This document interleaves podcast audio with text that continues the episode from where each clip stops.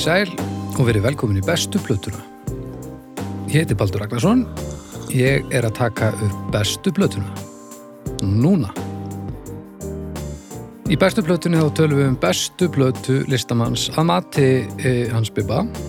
Eh, Arnar Eggert sem er hérna líka, hann er stundum sammála og stundum ekki. Arnar, þú ert uh, með ment, einhvers konar mentunur ekki? Jú, ég hef með doktorspróf í tónlistafræðum frá Edinborgar háskóla, Breitlandi, Já. Skotlandi, Breitlandi. Og hvað hva ertu með laun? Vá, um, 35.000 dollara á ári. Og er nóg að gera? Dollar? Allt vittlust. Það er alltaf dollar. Þetta er hérna, skoski dollarinn bara. En þú snæpjörn, hvað segirðu? Ég segi bara ótrúlega gott, sko. Ertu með svipur laun? Í dollarum? Já. Nei. Nei, Ég minn, er það minna? Já, Já, ég ég- er með ég minna. Ég er það, sko. Ég er með tilfinnilega minna líka. Já. En í stuði, Já, já, já. Ég er ánæður. já, það er gott. Gleðin er góð. Og þið eru klárir í þetta missunum, Við erum því líkt stendir. en það ekki? Jú, ég er enda í, e, svona alveg án alls, alls hérna glens, þá er ég, er ég mjög til í þannig þátt, sko. Ok, Ég er mjög til í hann, nú er ég komið fram úr mig, sko, og ég ber að tala. bara alls ekki, af því að við ætlum að tala um hljóðkirkjuna. Já. Já, já. Um, Ég held kannski ég mætti segja eitthvað aðeins svona intro, en ok. ég hlakka mikið til. illa við það, sko. Ok. Já, já þetta, þetta getur verið gaman, sko. Þetta verður, þetta verður algjörlega stórkurslið þáttur. En hljóðkirkjan, við skulum renna í gegnum hérna Já, þessar rétt. ekkurluðu dagskrá, sem Mhm. snöggvast. Á mánudöfum erum við með dómsdag. Á þriðudöfum, þá erum við kokkalokki eirun. Aha.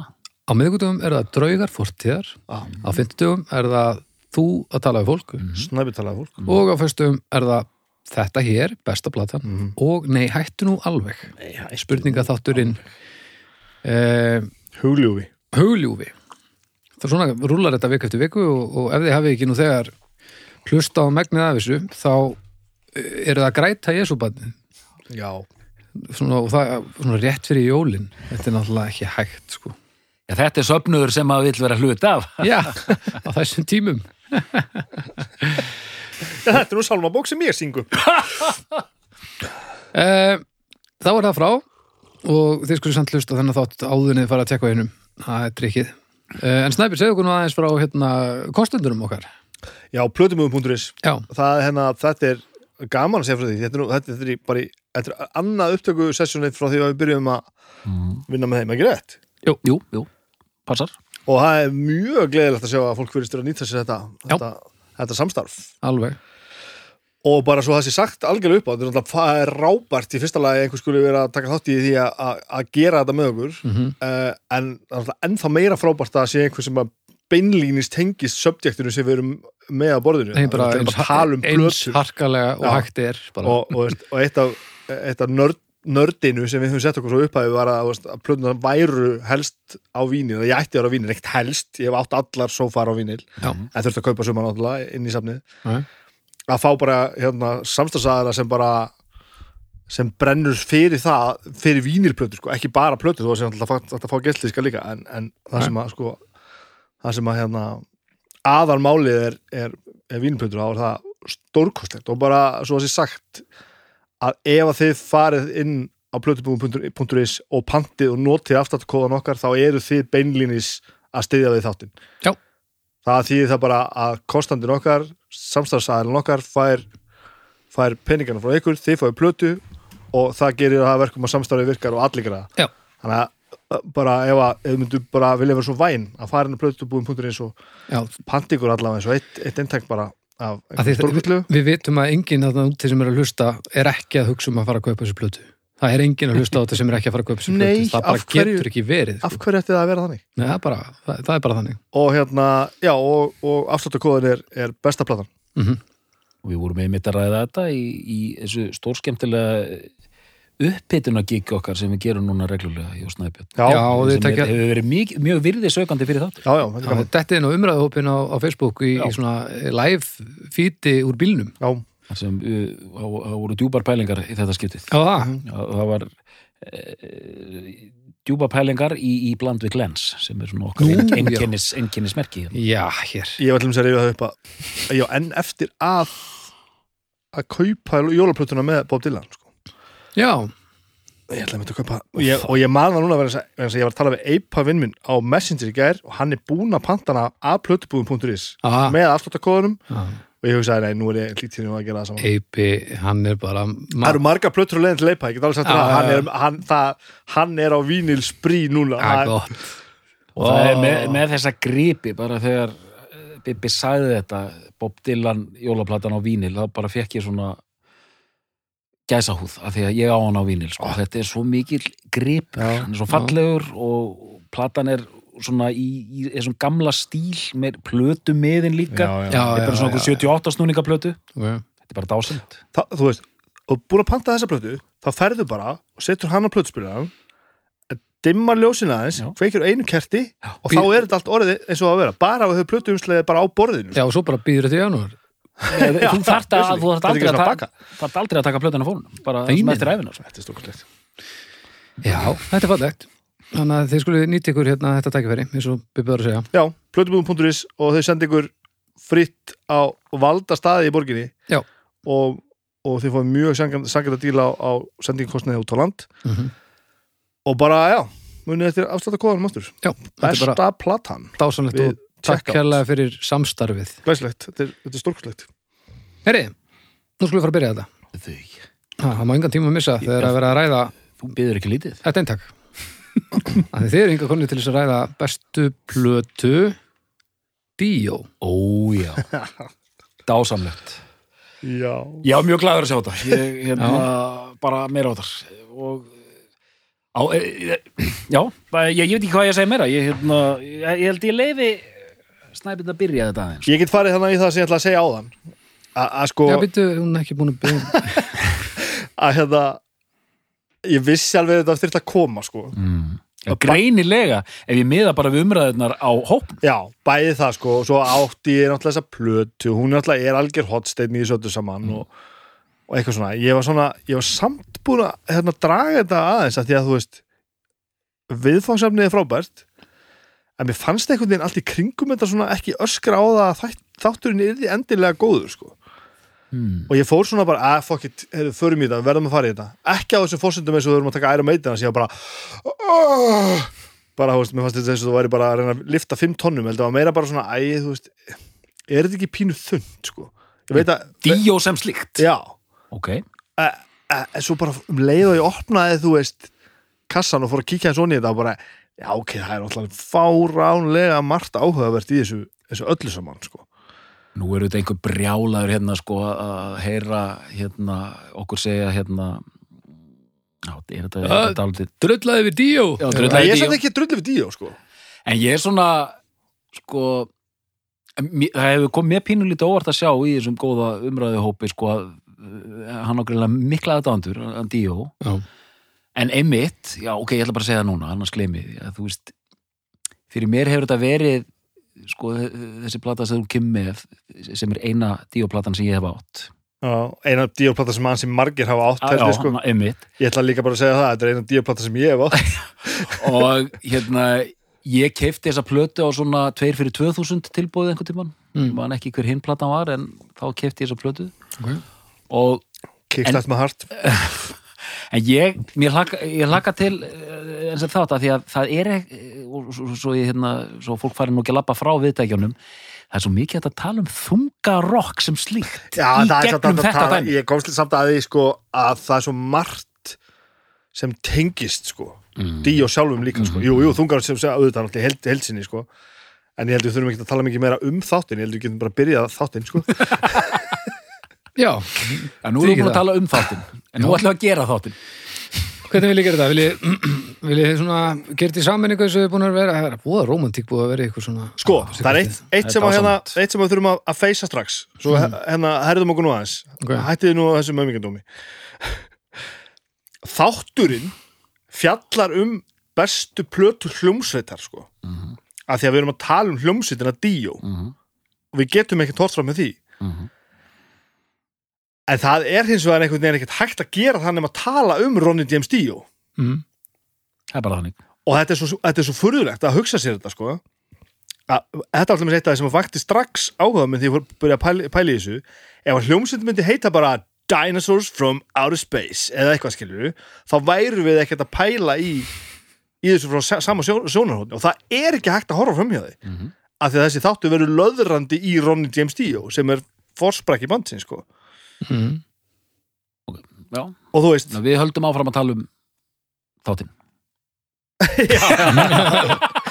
En, en ég meina eh, verðum við ekki samt að fara sem við feril Ronny James Dio, ég meina, þú veist, er ekki pínu skritt að gera ekki? Algjörlega, en þú sagðir að hann herðum okkur. Mér finnst þú verið að herða þetta hægt sko. En er, eigum við að reyna að fara bara taka einmitt tökum þetta einhvern minni sammenningu, bara Ron James en tökum svolítið allan ferilinu síðan endur við aftur og tala um þessa blöð. ok, gott, gott, gott, ég ætla að byrja á þessi eitt sem er náttúrulega algerlega sko sem er ótrúlega mikilvæg og stór staðarind Ronny James Dio fættur 42 1942 það er sko það er bara eins og Paul McCartney Já, sko. einmitt.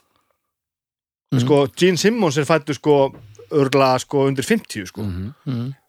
uh, ha- hann er, er bítla gammal hann er Stones gammal sko. Mm og, og við erum fara, erum fara að tala hérna um Stones, uh, hérna, Stones um hérna Sabbath og eftir og, og það allt saman. Deep Purple og þetta dót sko. Hann er eldri en þessi kalla sko. Það er þannig, já. það er skulum ekki gleyma að tala um það, það hvað er þetta kemur sko. Mm.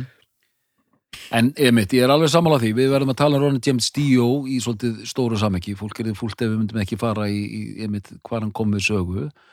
Fyrst var Elf, þetta er náttúrulega eldra sko. Já, uh, hann, hann, getur henni byrjað í einhverju 60 stæmi. hann er fættur í New Hampshire mm. bara þegar hann, pappans var staðsettur eða fjölskyldur hans var staðsett út af einhverju en hann er New York rotta alger sko Já, virðulegt, New Hampshire. af, af bandarískum bara uh, uppruna er náttúrulega mjög mikið ítalst í honum sem er náttúrulega mjög mikilvægt það kemur inn á, inn á á mjög mikilvæg saga hér á eftir sem að, sem að fylgur í sér þetta, þetta ítalska element Mm. um, byrjar og það er til upptökur á honum sko, hljómsveit sem ég, ég man ekki hvað hann hétt fyrst en örstuttu setna, hann er hann bara 15 ára eða 17 ára eða eitthvað þá er hann í bandi sem heitir Ronnie and the Rumbles. Ó, Ronnie and the Rumbles. En a- svo við hérna að, að, ótrúlega áhugaveru karakter áhugaveru gaur.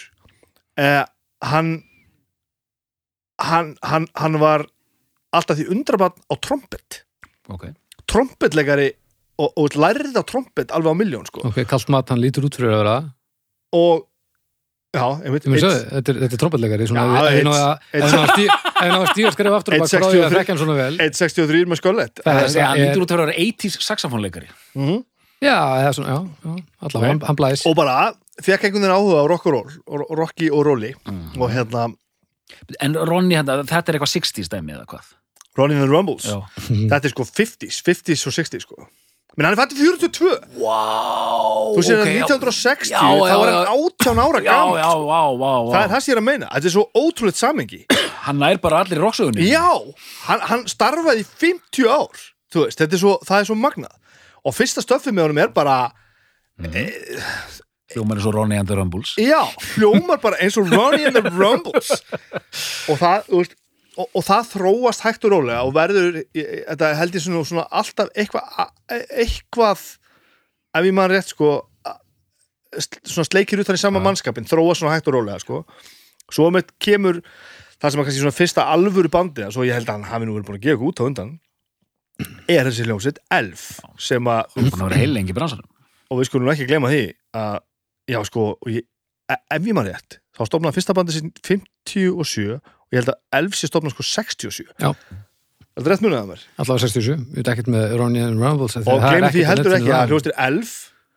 Áður hún hétt Elf hétt hún Elves. Og áður hún hétt Elves hétt hún Electric Elves. Sem er best. mér þykir þetta hafi farið aftur hjá Já. þeim sko. Að byrja á því að heita Electric Elves og enda svo bara á Elf Og líka, eh, óska, eins og hann lítur út, Mhm. fyrsta hljómsveitin sem eh, fólk kennst í tæri við heitir Elf. Elf. Og hann er eins og álfur. á, já, já. Ég, ég meira að segja, ég er endi smá Elf. gerur það? Já, smá. ok, Þetta er bara mjög basic og, og dægilegt blues rock. já, Ekkert meira um það að segja. nei hljómaðar hann eins og, eins og Ronny DMC og það Röddin er strax komin, þessi bara sterka, góða, flotta, hlýja og röddin var bara sterk og góð og Já. flott.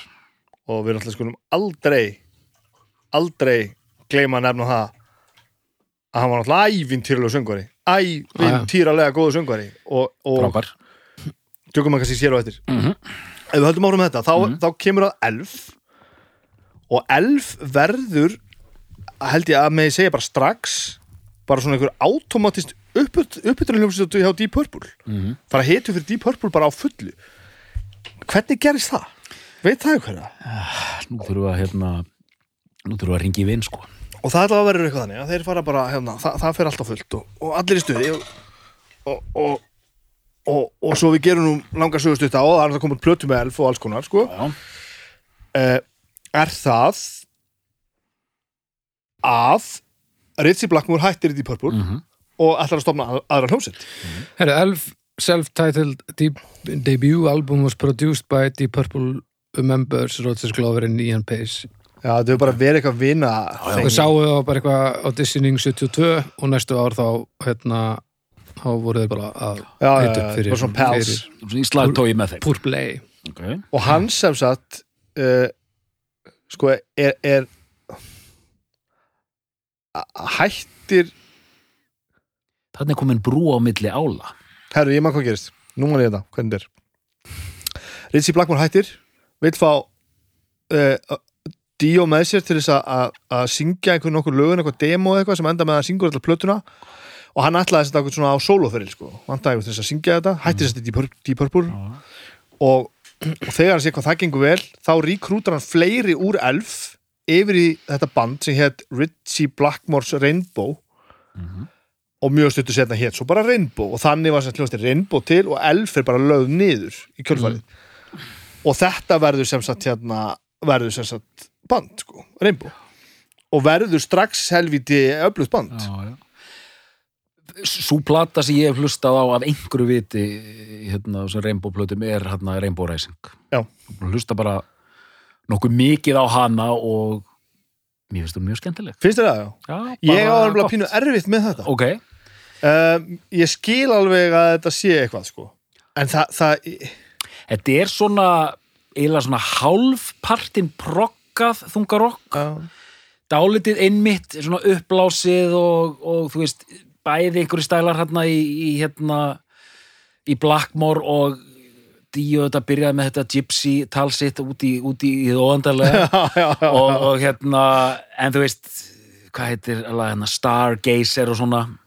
Já, já, ég skil alveg hvað að meina, sko, ég er bara svona já, það er eitthvað svona, þetta er svona já, proggaþungarokk, getum við sagt. Nett proggaþungarokk.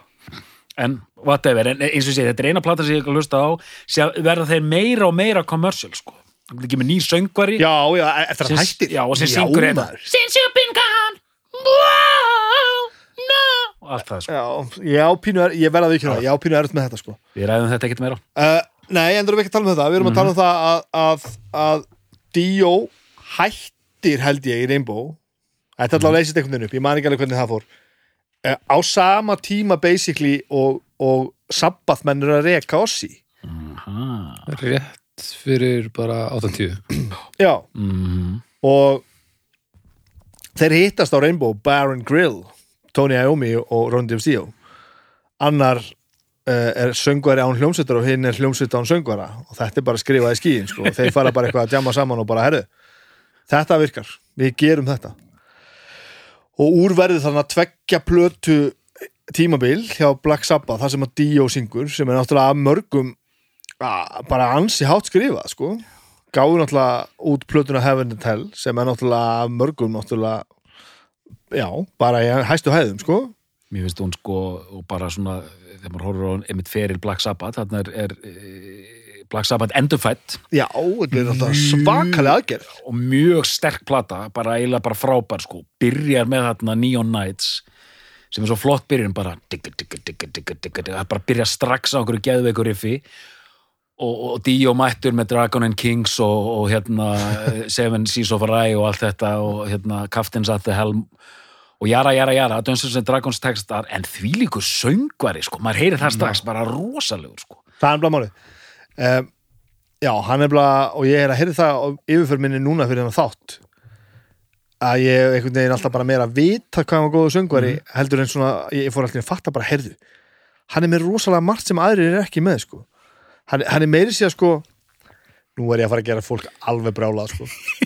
Hann er meiri sér með eitthvað gritt í röddinni Mhm. sem ég vildi óska að Bruce Dickinson væri með. Já, Ertu að tala um smá skít? já, smá drulla sem hann getur sett í þetta. Hann svona getur aðeins svona, svona, svona urra með þessu þegar hann vill það sem að maður heyrir Bruce ekki gera sko. hérna eitt hann er meira sænskur, Bruce. Eldsnögt hérna stökku aftur. Hann hérna er lítsöngveri í elf Já. það er hann líka á bassa já, hann hann var bara alltaf bassa. bassalegari spilaði hann á bassa bara í elf bara til, já, bara fyrstu hvað er það? Fimm árin? Jú, hann hefur flott Já, já. Hann hefur verið mjög Svo flott bara tekur einhver við bassakeflinu grúberinn og, og, og þá er hann bara að syng- syngja Já, og hefur sér bara sungið Það ég síðan vissi hann hefði verið bassalegari Já, Hann hann spilaði bassa hefur lúkað mjög flottur á bassanum sko. Já, sem Bassin sérst eru jafn stór og hann sko. Her, en, en röddin, getur við líka sagt sko, hún er svona mér finnst hún vera vinaleg Já, en ég meina það er líka bara Vinalegi frændin en það er líka bara maður mm -hmm. það er rosalegt að sjá sko viðtöl við hann, heyra viðtöl við hann lesa eftir hann, þú veist, það sem að hann let frá sér allt þetta hefur verið svo næs gaur maður Já, það er með, og, og bara svona genuinely bara svona og, hefur- verið svo eðlistlegt að sjá bara góðu hlutina í fólki sko. mm. Það er svo, að að er á nokkrum stöðum hann, hann er svo gaman að tala um Gene Simmons. Það er svona, ef við bara farið á YouTube og sláðið bara nöfnin þeirra tvekja þá kemur auðvitað bara upp ansi margt þegar hann er að tala um Gene Simmons. Og hann er alltaf svona góðlátlega að gera eitthvað pínugrín en alltaf bara, hann er svo mikill snillingur. Hann, hann segir alltaf bara ó, Gene er svo glæsilegur, bara fældi að vera svona svo stórkostlegt, svo læra hann bara einhvern veginn og bara En pota smá í hann líka. Já, hann er að segja, þú veist, þegar vissu að, hérna, að Gene Simmons hérna, hann fikk engaleifi á hérna, að- nota orðalagið OJ yfir hérna Orange Juice. Hann í hvert skipti sem einhver segir OJ þá far hann pening. Þetta er frábært, er snillingur segja hann svo bara, aðeins ekki að gríni samt eitthvað bara. Og hann er myndið að útskýra hérna Devil Horns hérna. Já, já, já. Góði hlustundur þegar maður uh, liftir upp vísifingri og, og, og litafingri sömu handar já, já. og, og beigir niður fingur út tvo í miðið og stiður þumlinu framan á þá og býr til svona horn þá, eh, þá er maður búið til svona þungarásmerki sem er nú þekkt í þungarás heimum Þungarós. Við, erum að gera þetta núna. Núna erum við að gera þetta sko. Þetta, já, þetta er aðalsmekki okkar þungar okkar að við notum þetta mikið. Mm. ég held að í dag sé nú orðið ansi vel viðurkent að þetta kemur beinlínis frá James Dio. Hann, hann innleiti þetta í þungarokki en hins vegar náttúrulega er ekkit launingamála að Gene Simmons er náttúrulega líka búin að segja okkur að hann hafa fundið upp. Því að hann er náttúrulega eins og hann er sko. Og það er við til vídeo við, vídeo, hérna viðtal, vídeo við Ronny James Dio þess sem hann er að segja hérna frá því að hvernig, hann, sagt, hvernig þetta var til. Og en svo klikkar hann út með að segja bara en svo náttúrulega á Gene eftir að segja ykkur það að hann hafi fundið upp. En hann á líka eftir að að segja ykkur það að hann hafi fundið upp andardráttin og skó. Then again he's gonna tell you that he invented shoes and breathing. En sagan er sérst svo og hann er komið að þessu ítalska var að tala um að ammans Ronny James Dio notaði þetta merki til þess að særa út í landa Mm gekk um húsið og, og það var ekki endilega svo vikinu svona upp í lofti sko, mikið svona, svona reka frá Ah. sér sko, Sópa. Sópa svona frá. svo, en, en líka, ég voru að horfa á hérna núna uh, live stuff með Dio hann er ekkit endilega að gera þetta svo við við svona einhvern veginn sínum hverju svona handabakki þú veist, með merkið á lofti sko eða liftum höndunum svona upp sko, sínum þetta merki. Hann er bara svona í allar áttir bara fram og tilbaka og, og, og, og miklu að með þetta heldur við sko. hann, hann er ekki með þetta hann notar þetta ekki svona eins og eitthvað svona, svona, svona symbol heldur en að meira svona já, svona bara þetta er svona gesture sko, hann er að reka burtu í landa sko. Já. Þannig að þetta er sagan á baka hótnin sko. og ég verða að vikuna að mér langar meira til að trúa Ronny James Dio heldur en Gene Simmons hvert eru komin í sögunni? Voru Ég er byrju, ok, hérna Sabbath. Hann er búið að neglu tveimur sabbatplötum já, já, Mob Rules kemur náttúrulega. Mhm. uh, árið er þarna orðið þá 81. 81 og 2 eða? Nei, nei, nei, nei, nei, 80 80 81 81 Já, af því að, að, því að, hóli, uh, að því að já, hann hættir að geta unni með uh, já, náttúrulega uh, þeir eru þarna sérst þrýr orginal sabbathmeðlimir. Ok. Uh, og svo hættir Bill Ward á trommur og Vinnie Appice byrjar mm. og hann er bara Mob Rules, ef ég maður rétt ég held að Bill Ward spili uh, Heaven and Hell já, hann gerir það og svo byrjar hann nutast eitthvað í samstarfið og Dio og Vinja Peace held ég hætta á sama tíma sko. Hvað sagður að hver spilaði hvað? Bill Ward spilaði Heaven and Hell. Vinja Peace spilaði Mob Rules Uh, uh, Mabrúls Þar erum við með Þetta er mér. Vinja. Yes. Sko strákin sko strákin Bara fakt-tjekka þetta sko. Þetta eru mikilvæg, þetta eru mikilvæg upplýsingar Já, sko. maður- Þetta er maður- fyrir, hérna, okkur nördana þetta þarf að vera lægi sko. Við vorum að forða, sko. við vorum að forða hérna, Skömm. já, hjartslátt og trublunum út í bæ. Já og bara þetta, þú veist við, við, við verðum að vita þetta. Við verðum að vita þetta um, Þeir hætta í, í sabbath Mhm. og ákveða að þeir þurfi bara að gera band sko. og þeir tveir fara af stað og ákveða að þeir ætli að búa til hljómsveit sem heitir Dio uh, ég heyrði einhvern tímann viðtal við Róndins Dio þar sem hann sagði að hann hefði verið þá þegar með plötusamning sko hver gefur þessa plötu? Polydor eða eitthvað? Fónogram, er það ekki Polydor? Póli, Póligram Ég man það ekki Polygram, nei, Phonogram Poly, á ok, allavega, Phonogram gefur þetta út ég, ég sko ég, hann, hann, hann segir held ég einhvern veginn hann í frá því, hann fór bara í að gera plötu vitandi það að hún er gefin út sko, sem var svo sem ekki sjálfgeð á þessum tíma heldur mm. Phonogram International du, du, Já. du, í Evrópu Warner Bros. Já, ok. Bandaríkjum og Mhm. þeir fara í það hérna, og nú komum við að einu alveg ótrúlega merkilegu. Þeir fara í það að finna stopna sem sagt hljómsveit sem heitir Dio. Og það er mjög skýrt. Og hann er hann 41 holy shit, nei. Nei, hann er 39 ára, hann er fættið 42 og bandið stopnað 82, já hann er bandið stopnað 82, hann er færtur hann er fucking færtur þegar bandið stopnað maður. Og 41 þegar plata kemur út meinti ég. á- 83 Mhm. uh, Og nú fyrir við kæru hlustundur alveg að koma að því þegar Snæbjörn segir hvaða blötu hann komið já, það er enda stendur held ég hérna Þetta var svona, ég var að slá að leta. Akkurat Já, Ekki, ekki láta mig flottir- trubla, þetta eru ekki láta grínu strengir. trubla þig. gamall brandari frá Arnari. Já, kannski áttu bara heim í bílnum bara hefa ykkur tveimur, grínið, sko, ég þarf að passa mig. Og það sem gerist er það að, sem er ótrúlega, ótrúlega merkilegt. Og ég man alltaf þegar hann saði þetta, þetta meikaði svo mikið sens fyrir mig að hann langaði að fá breyta á gítar. Hann vildi fá breyta á gítar að þegar þeir voru öðruvísi. Og þarna horfum við bara á hver er munurinn á, á Sabbath, Rainbow uh, og þessu öllu saman hana Mhm. Purple á- Leopard, Já. Priest, Iron Maiden það er bara einhver Ah. grundvallar munur þarna á, hann vildi bara meira Priest Ah. og minna Sabbath og e, e, einföldu útgáfa fættiði, mm. að þetta er svo fullkomna rétt og ég held, rasíst, sko en, en hlustiði svo í gegnum Holy. Diver, fyrstu plötuna? Hann vil fá breska gítarinn inn. Þa, já. þar, er, þar kemur bara breska samtíð allt í hennu og þetta er svo rétt sko.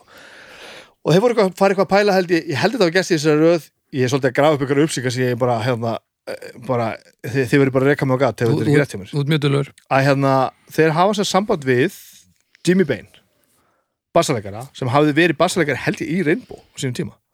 Stemma í Rainbow eða eitthvað. Bara, hvernig eigum við eigum við að hérna, við hvernig eigum við að tala? Og úrverður að þeir næla sér í Vivian Campbell sem náttúrulega býr bara í bara einhvers þar á Breitlandi sko. Hann er held ég bara, er hann ekki bara englendingur? Jimmy Bain er held ég skoti sko. Eða var heitinn. Og þeir uh, Hvað sagður, varstu að pæli Vivian, Vivian Campbell, er hann ekki bara englendingur? Hann er uh, Norður Íri. Hann er norður íri, heldur þetta sé gott? Norður íri með og, og Jimmy Bain er, er sko, skoti eða hvað? Fættist í Belfast bara. Hérna, hvað segirðu, Jimmy, Jimmy Bain Bain, Hann er eins og skoti þetta eru svo til snillingar. Hann sjáðu hvað er að gerast Newtonmore þarna eru hlutir að gerast og, og þetta held ég að sé svo mikið krúsjál mál ástæðan fyrir þetta hljómarist og hljómar. Þarna er Ronny DMC búin að semja Holy Diver hlægið mm uh, og eitthvað meira, ég man ekki nákvæmlega hvað. Örla, eitthvað af þessu stóra sko, Don't Talk to Strangers eða eitthvað og þeir fara bara og semja lög á fucking fullu, fara svo bara í stúdíó eh, í sko Sound City sko, stúdíóið í Kaliforníu sem að hérna heimildamindina Dave Grohl er nú um, einmitt, mm. ef þið ekki séð það. Rétt. Talk to strangers. Já, og taka upp og eins og þú segir, hann er færtur eh, og hann er einhvern veginn komin og, og hann, hann er bara að ákveða bara ok, ég er bara að prófa allt hitt. Nú ætlum ég bara að gera það svo ég vil. Og hann gerir það svo mikið eins og hann vil að hann pródusar plötuna. Og hann sagði öllum viðtölum eftir á ég vissi nú ekki hvað ég var að gera sko. sérstaklega svona samdlega séð. Mm. og það var bara byggt eitthvað svona herbergi utanum hérna utanum hérna trommunar en það var sko gluggi inn í því herbergi hann er ægilega svona reflect sound af Já. glerinu sko en það er maður hlusta á trommusandið sko á plötinu, það er rosalega furðulegt. Og það er einhvern veginn algjör slemmi lukka að þetta gangi upp. En, en fyrir viki er þetta einhvern veginn frábært. Gítamagnan er einhvern veginn bara fram að gangi og mækandi settir einhvern veginn upp og þetta bara einhvern veginn Mm. þetta bara ge gengur sko. Já, allt er fært um fært. En hann sagði að það væri tvent sem hann var, hef, var búin að eyða eiginlega allir æfinni í að koma til skila. Mhm. það var það að A þetta var hljómsitt þeir sömdu allir kross og þetta var mjög mikið kollab sko. og B það vildi, vildu allir vera betri heldur en hinn. Það, þeir voru bara í keppni að vera bestir en það er náttúrulega sko, spilamennskunar plötunum náttúrulega ævintýraleg. Og þannig lóksins komum við að því að besta platan með Dio er fyrsta plata þeirra sem kemur út 1982 og heitir Holy Diver 83 83 og, og heitir Holy Diver Sko, eitt sem ég hildi að fá að segja hérna á, á þessum tímapunkti, áður en við ég legg til að við stöldur og samt stutt við hérna förum aðeins yfir restina en við skulum síðan tala um plötu. Já. hérna uh, já, tvent ef ekki sem ég vildi segja sko, að hérna, sko, og fyrst spyr ég ykkur bræður, sko, þú veist, tónlistin er þetta, þetta er þungarokk Já, svona melodíst þungarokk Já. bara svona, af því að tveir menn sem ég ætla að nefna hérna Kitty Rock, Já. vinnur okkar allra við vorum einhvern veginn að tala um þessa plötu og hann sagði bara, já, veistu það Arnar við hérna sem vorum í þungarokkinu við, þegar við hyrðum þetta þau, þau höfðu verið að fylgjast með honum í gegnum Sabbat og hérna Rimbo Mhm. hann sagði að viðbröðin hefði verið bara wow, já, já bara djöfull er þetta gott djöfull er þetta bara þú veist, frábært sko. hérna, og, og sérstaklega því að tótin eru þetta slegin alveg rosalega með þessu uppháslegi Stand Up and Shout. Mm.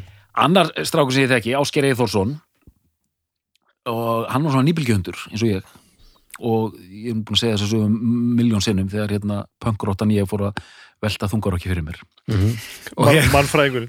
Mannfræðingurinn fyrir að velta fyrir sér þungarokki og ég er eitthvað svona að spá þessu. Ja, og þá sagði hann þetta og aðtöð, þetta var punkari sko. Nei, svona, svona in- indie, indie coolisti hann sagði bara, hérna Arnar, er þetta pali svona venjulegu þungarokki hérna eru tvær plötur sem eru bara fyrirtagsdæmi um vel samið, vel gert, vel spilað þungarokk. Holy Diver Dio og og ég mun aldrei að gleyma þessu þessin hef ég líka alltaf verið að reyna að komast inn í hana. Hérna, hann nefndi Dream Evil með Dio Ha?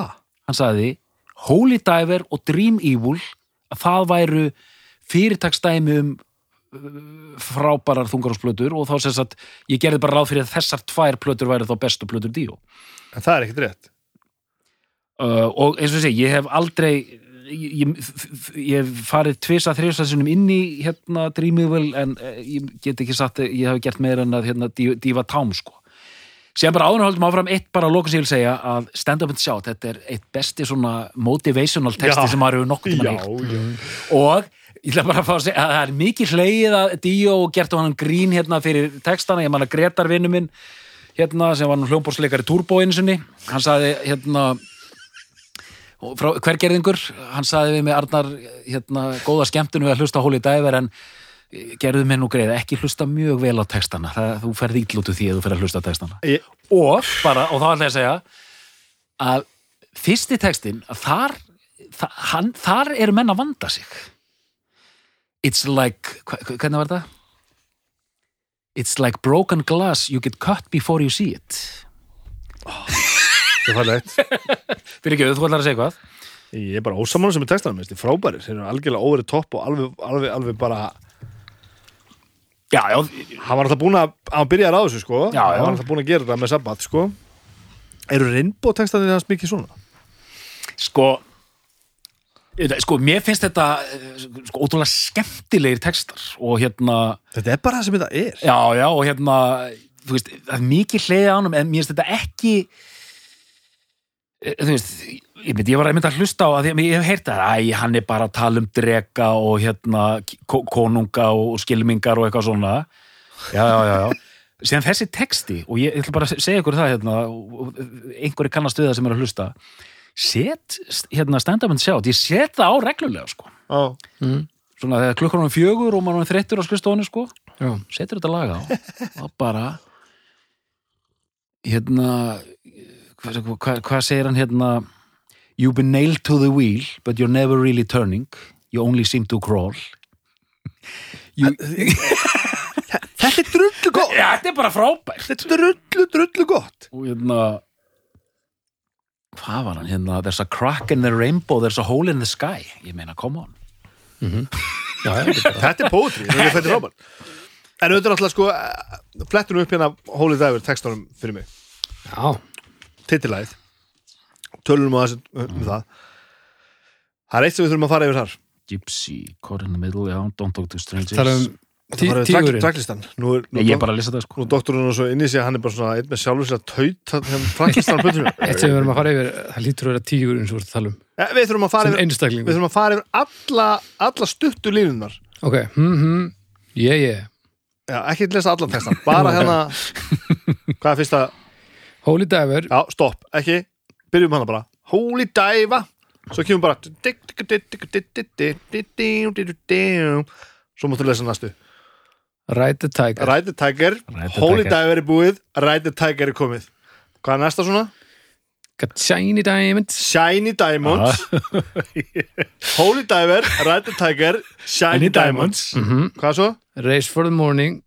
Þetta er allt gott.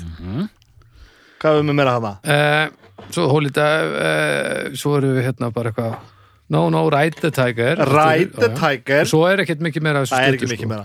Þetta er Shiny Diamonds. Shiny Diamond Þetta er allt saman sko. Ride the Tiger Ride er the Tiger. það, er, Ride the Tiger. það er svakaleg bón. Þetta er ekki eðlilega gott sko. Og bara, eins og ég segi, skila sko já, ég, þú veist þarna stand up, stand up and shout textin þarna you got the fire, so let it out. You have desire. Stand up and shout. Já, já. þetta er svona, ég veit að þetta hljómar nei, ég bara, þú veist þetta, þetta lag bara virkar alveg ótrúlega flott bara hratt, svona melodist þungarokk, allar skiptingar bara fullkomnar og bara einhver svona brjálaður berja sér á brjóst hérna einfaldur en bara indislega flottu texti sko. þetta er bara svona, svona breifhart hérna motivational Já, já, alveg, alveg klálega sko. Þetta line-up þeir bætir á við þessi hljómbóðsleikara til að spila hljómbóðin sem ég geru þannig á, á hérna í stúdíunum Þetta line-up gerir held ég þrjár plötur sko. Ok, Það er þessi. Sí og hérna Last in Line já, er ekki lastin line næst? 85 Nei, nei, 84 Ég held sér bara 83, 4, 5 já, já. uh, 3, 4, 5, já. Ok, hva- hvað er næsta plata eftir þessu? Það er Holy Diver, Last in Line. Last in Line sem er klálega næstbesta plata með með, með, með, með Dio ok, Secret, Secret Heart. Og svo kemur Heart. Sacred Heart. Og ég held að þessar þrjár sko séu með orginal line-upinu og svo fer að kvarnast það sem ekki úr sko. Og ég held að sé sko þa þannig árið þá árið 85 og ég held að sko 1990 sé hann einn eftir sko. Þá, þá var hann búin að endur nýja alla. Þú segir lastin line næst best. Já. og Sacred Heart, hvernig finnst þér hún? áberandi síst af þessum þremur. Ok, uh, ég held sko, þetta eru tíu plötur Já. sem að Dio náða að gefa út. Uh, ég mist sko, ég, ég, tímabil sem kemur þarna ég er ekkert rosalega góður í því sko. Svo reyndi ég þarna sko, hva, hvað líður langt á milli þarna það kom ykkur á tvær svo, koma sko nei, sko, eh, þessar þrjár hvar setur þú hérna Dream Evil sem kemur út 87 já, ég bara eiginlega ég bara er ekki alveg viss sko. nei, nei. það er rosalega einhvern svona móðu fyrir mig ég veit bara 90 síðan hans er ekki Já. gott sko og hérna á Sacred Heart já, þar er eiginlega eini eða, þar, var, þar er lag sem var spilað alveg í gat í sjónvarpinu. Rock'n'Roll Children. Já, Rock'n'Roll já Children. akkurat, akkurat. Þetta myndband var, það var alltaf verið að sína þetta myndband. Og þú veist ég var, að, ég var að heyra það aftur núna bara eftir mjög langt hlið. Maður bara svona, já, þú veist, sæmilega poppa kannski en samt mjög mikið díólag sko. já, já, já. Og bara eitthvað myndband, einhver kennari eitthvað bla bla bla. Þetta er stór partur að, hérna, að, að Dio bandi verður svo stórt en það MTV kók liftið þetta sko, bara frá, frá bara fyrstu bara fyrstu útgáfu, þá fór allt á stað sko. Ég gerðnan hérna, ég var gerðnan til að fara hans yfir restina af hljóðvörsplötunum að því ég er með smá svona hérna, ég, ég, ég dýfði mér aðeins í Ó, hvað ég er ánæður að heyra. Ég gerðist smá holy diver. Sko. Ok, Hei, hei, hvaðan, ég sé hvað þú gerði þarna, doktor. Hvaðan uh, viltu þá taka þetta? Frá upphæ, byrjum bara strax, bara í, á byrjun. Nei, þess að sagt, við erum búinir með hérna, holy diver uh, last in line uh, Sacred hérna, hvað sagður? Sekretart Sacred Heart. Síðan kemur með Dream Evil sem ég hef rent nokkru sinnum en aldrei eh, náð að kveikja á sem einhverju meistaraverki og whatever, en hún er í svipuðum anda. En þú veist eh, línan er svona farin að fara niður. Síðan kemur 90 eða ekki? Jú, og það er? Lock up the Wolves. Lock Up the Wolves. Og þar er þú veist, 90 það er ennþá eins og margar þessar hljómsveitir og það er svona saga þungaróksins þeir eru ennþá að gera bara sítt hár venjulegt þungarokk og bara svona Lock Up the Wolves. Og það getur þess að fyrstu fjóra plötur titillagið er alltaf nummer tvö.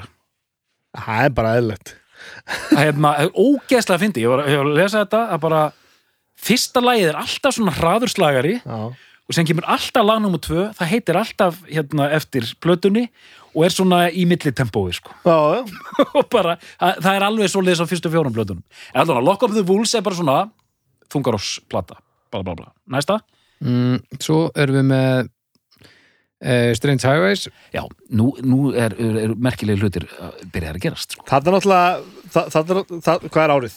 93. Já. Það, það er náttúrulega fyrir allt til helvíti sko. af því að þetta er svo leðilegt sko. Þessi blata er, hún er svo, hún er svo drepleðileg ok, ok, ok og, og sko eitt, eitt sem til dæmis sem er alveg, alveg ótrúlegt er það hérna, að þarna held, heldur hann bara að hann geti hætt að syngja um drekka og sverð mm. og fari bara svona ve- vera bara svona einhver, einhver, einhver rínir á líðandi stund já, sko, og ég bara, herru, herru, þetta virkar ekki sko. en sko, og það og, hérna, og þetta er svo 90s þetta, þetta, þetta er svo 90s allt sko. hérna þetta er alveg svona svo sorry, ég stuði þetta þetta er alveg hérna pínu sko þetta, þetta nartar í hérna í hérna Aerosmith a- að gera hérna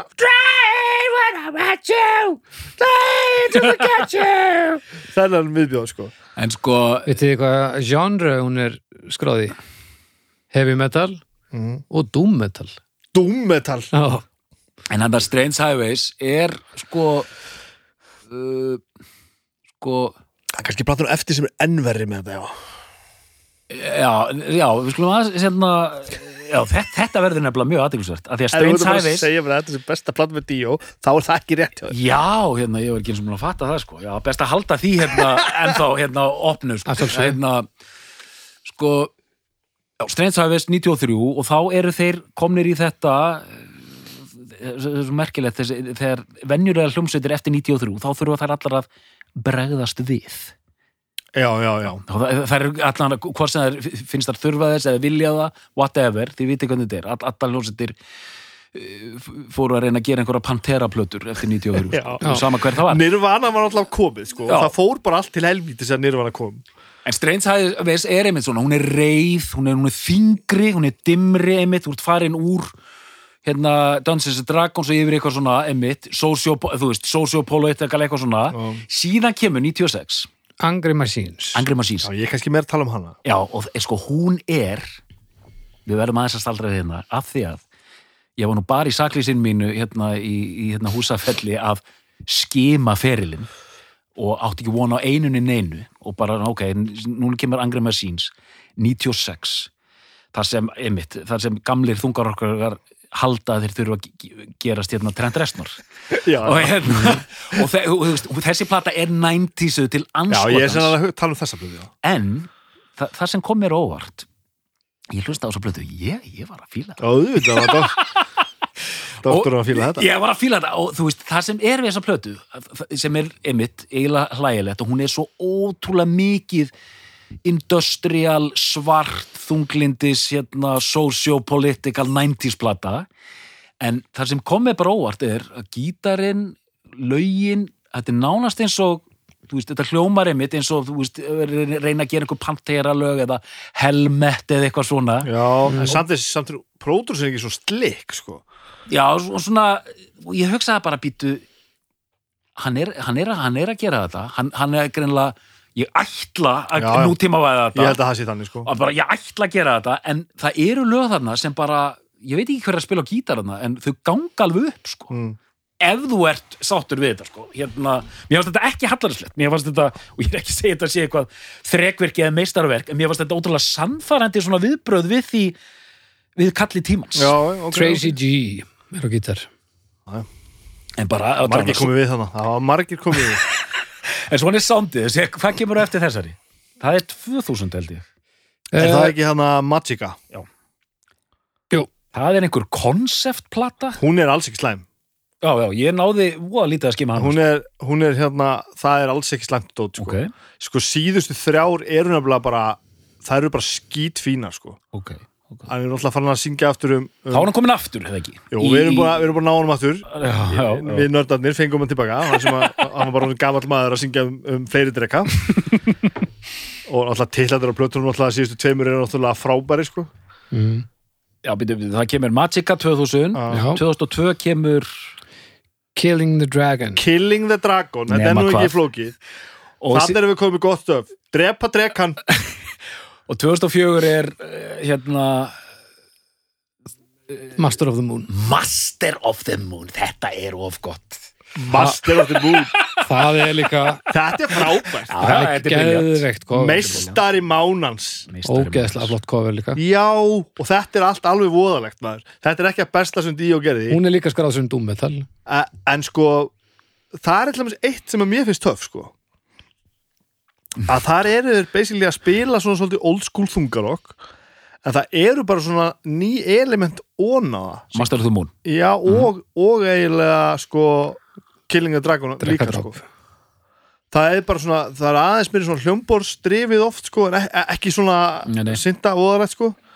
Og, og það verður bara svona, já, ég trúi þessu bara alveg, sko. En, en þetta er ekki, þú veist, þetta stendur hver ekki út úr, sko. Þetta er bara svona, maður bara, já, það eru, velgjart.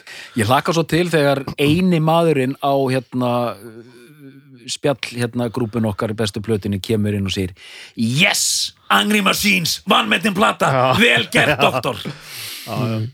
Nei, ok, já, þá erum við búin að fara yfir ferilinn Já, við glemdum reyndar 92 þegar hann gerir Dehumanizer með, með hérna Sabbath. Já, já, já, já. hann kemur, eh, taka örstutt hann og Vinja Pís fara aftur yfir í Sabbath og, og gera eina plötu þar.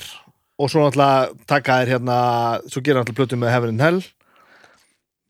Þannig Já, vá, sko, einmitt. Þannig að og menn hann var náttúrulega bara sko, er ekki Heaven and Hell platan bara 2009 eða eitthvað, þetta er bara rétt á hann dó uh, Sko bara að reyna að finna þetta. Þannig að þú veist, það var búið að gera helling sko. Og þeir náttúrulega, þú veist já, ta- taka þá sem sagt nota ekki Black Sabbath nafnið. Ég held að það hafi verið lagalegt mál sko. Þeir ætluðu að gera þetta með Billboard líka en, en hann Hvað er það? Dehumanizer. Dehumanizer. Nei, Dehumans er 92 sko. 92, já. Hún er bara Sabbath platan ekki?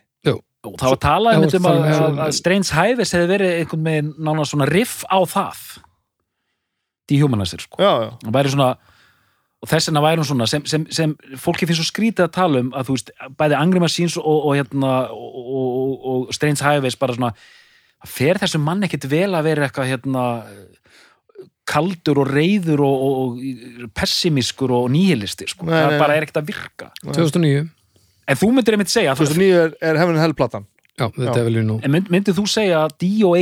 hafi í rauninni ekki átt eða sé hálf miðsefni að menn sé að reyna mig utan í einhverja nýja strömm við, erum alltaf bara að koma svo ítrekkað að því undanfæði sko að það er ekkert hægt að segja svona Mhm. þú veist, auðvitað varðan bara að gera það sem hann varða að gera Mhm. en mér fannst þetta ekki hendunum vel sko Mhm. og það er live-plata manni sem að kemur hana í kjölfara þessum tveimur sko, hún er algett sorp maður Af því ég, ég man ekki í svipin eftir neinum nema kannski ACDC þegar árið er 95 og menn bara ákveða að halda sínu strík já, já. og ég skil þetta alveg. Mm. Það er auðvitað að sitja hérna núna 25 árum setna og segja bara akkur heldur þessi ekki bara við það sem þið voru að gera? Mm, Já, já. vegna þess að við vorum að gera það í fokking 20 árið eða eitthvað og þeir voru á staðnum og hu- hugsuðu með sér bara herri, við verðum að gera eitthvað. Veist, við getum ekki alltaf verið að gera það sama. Já, já, þó að sagan fari kannski betur með það bara að ACDC hefur verið að gera enn eina ACDC-plötuna skilur sem engu við bætti í rauninni nema bara að vera super töff að því að ACDC eru glæsilegir. Þa, þá er sín pínu ósangjönd að sitja hérna núna og segja bara ACDC gerðu rétt, hini gerðu ekki rétt. Mér fannst mjög hressandi eftir að hlusta hérna á hérna, hérna Lock Up the Wolves það sem er sama þetta er sama formúlan. Mér fannst mjög hressandi að heyra hérna Steins Hæfis og hérna Angri Massins bara til að heyra eitthvað annað. Já, þó að sumir munu stíga fram núna og segja þetta var bara sorp þessar plötur sko. það er líka hægt að segja það sko. Ég, Taka svo sem líka viðkynna það, ég, ég hef held ég aldrei hlusta á þetta í þessari krónológisku röð. Það er kannski einmitt, einmitt sko, þarna komum við líka öðru sem er mjög áhugavert. Að sko, blómatímin er fyrir mína tíð, sko, og okkar vantanlega allra. Já, Ég, ég er fimm ára þegar að Holy Diver kemur út, sko. Og, og, og þannig að þetta er gömlukallaband þegar við getum byrjað að hlusta, sko. Og ég sem unglingur að hlusta á eitthvað nýtt stöf með Dio in the 90s, bara hvaða djúfisist drastlega þetta, já. gamli menn að gera einhverja útþynda útgáfu af, akkur er þetta ekki að fokkin hlusta slegir, þegiðu bara þú veist, þetta er pínu þarna sko það voru bara einmitt Erosmith að að gera Já, já, já. gera hérna Armageddon og eitthvað djúfisist drastl þannig að þú veist ég held að þetta liti það alveg líka sko. þetta er gömlu kalla rock Mm. í mínum huga sko Maiden bara svona e, e, sko, Maiden er bara skurrpunkturinn mín megin sko. Mhm. Maiden er ekki, ekki gömlu kallarokk allt sem er eldri en það er gömlu kallarokk Priest er gömlu kallarokk Mhm, Maiden er nýju kallarokk Nýju kallar okkur Ég fór einmitt að, ég fór einmitt að hlusta á Helmet bara eftir hann Angry Machines sem er eina mínum uppáhaldsónsettum notabenn Já. af að þetta voru, þetta voru bara ef ég á að hlæja þessu sko þá er þetta Angry Machines að bara, þú tekur svona 20 90s metal klísjur og bara setur það einhvern gröð sko, Já, bara gjör þau svo vel. Allt, allt þetta sko, ég fekk bara svona algjört flashback sko. Og þú veist, hvaða bönd er þetta sem voru þarna?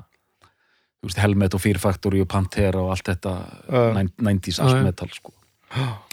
Já, ég ég veit alveg hvað, hvað varst að koma með þetta En allavega, já, Dio, glæsilegur og það allt. Já, hvað skoða þessa Þarna er pressu þessi ég, stó- Já, skoðum pressuna og lögin, jafnvel. Já, getum við gert það líka Er, er þetta ekki, þetta er orginal Ég pressa. held að þetta sé orginal pressa sko Við erum að tala um það, gott fólk, að við erum með hérna, kemur platan út 83 og þá er þetta oft bara á, á nýjönda áratönginu var glans áferð. Sælt. Þetta er þýsk pressa, ég sé það strax, sko. Það er alveg greinilegt. Hefðbundna nærbuxur í venjulegu brefi. Algert budget stöf sko. Já, já, merk, þetta er hérna pressað í Hollandi mitt, made in Holland Þetta er þýsk hafa- pressa, ég sé það strax. Þetta er prentað í Hollandi. Já, ég er þarna Holland, Belgia, Þískaland Austuríki, eitthvað svo liðs Þetta er næfur þund. Þessi vín, þetta er næfur þunnur. Já, þetta er ekki, Svo coverið er þykkar aldrei um platan sko. Svona, er einhver, maður með ekki bera fram drikkið þessu. Nei. einhver, einhver svona er þetta ekki einhver svona hollensk flatneskja? Nei, nei, nei, nei, nei. Það er var svona bara svona flott, flott Svistnesku vínlarnir voru alltaf svo sillilegir Guðtóttir Já, bara eiginlega flott pressa, en hérna ég veit ekki að gefa- veita Díó þá veriðingu að kíkja hans á lögin Jú, og þú ert búin að fara upp hérna stand, eh, yfir hérna stand upp hérna sjálf stórkostlegt byrjunulag Það er það sko. Og þú veist, fyrirlega þá kannski í þá staðrind að, hérna að struktúrin á plötunni er mjög góður sko. Það er það, alveg þannig sko, svo alltaf kemur Holy Diver sem er alltaf svona einhvern anthem sem að veist, allir, sem mamma okkar þekki sko, þetta er alveg þar sko. Heldur það? Nei, og ég heyrði hann að Ég held- syngja það eins Við erum að spyrja hana. Svo kemur Gypsy. alltaf skulum við tala um Gypsy. Þú farið eitthvað sérstaklega í það?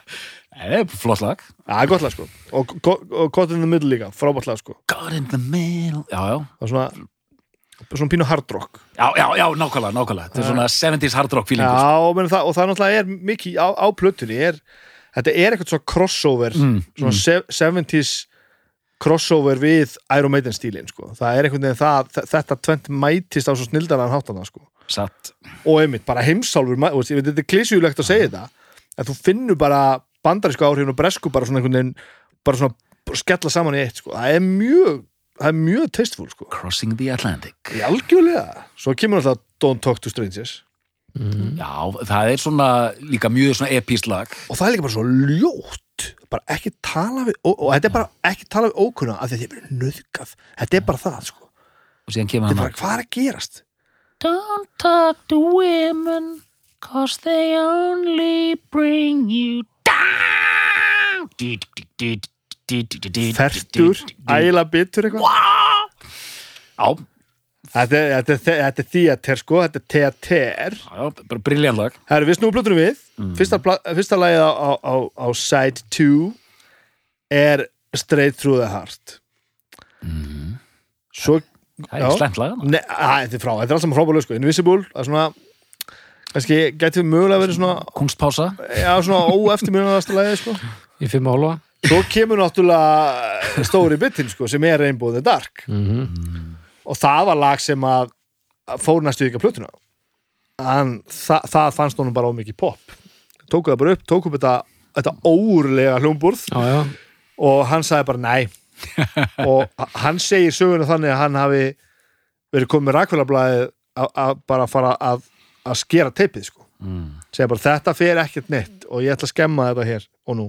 Og hini þrýr hafi bara stokkið á hann og bara Ronald, þetta gerir þú ekki og hann, var bara stoppar og hann segir eftir á ég er mjög fegin sko. Ég er mjög fegin að stoppuðu mig, fegin að fór, fór á blötuna bara upp á sögulegt og þú veist þetta var algjört anþum fyrir bandið en hann sagði alltaf sko, þetta er ekki upp á slæði mitt.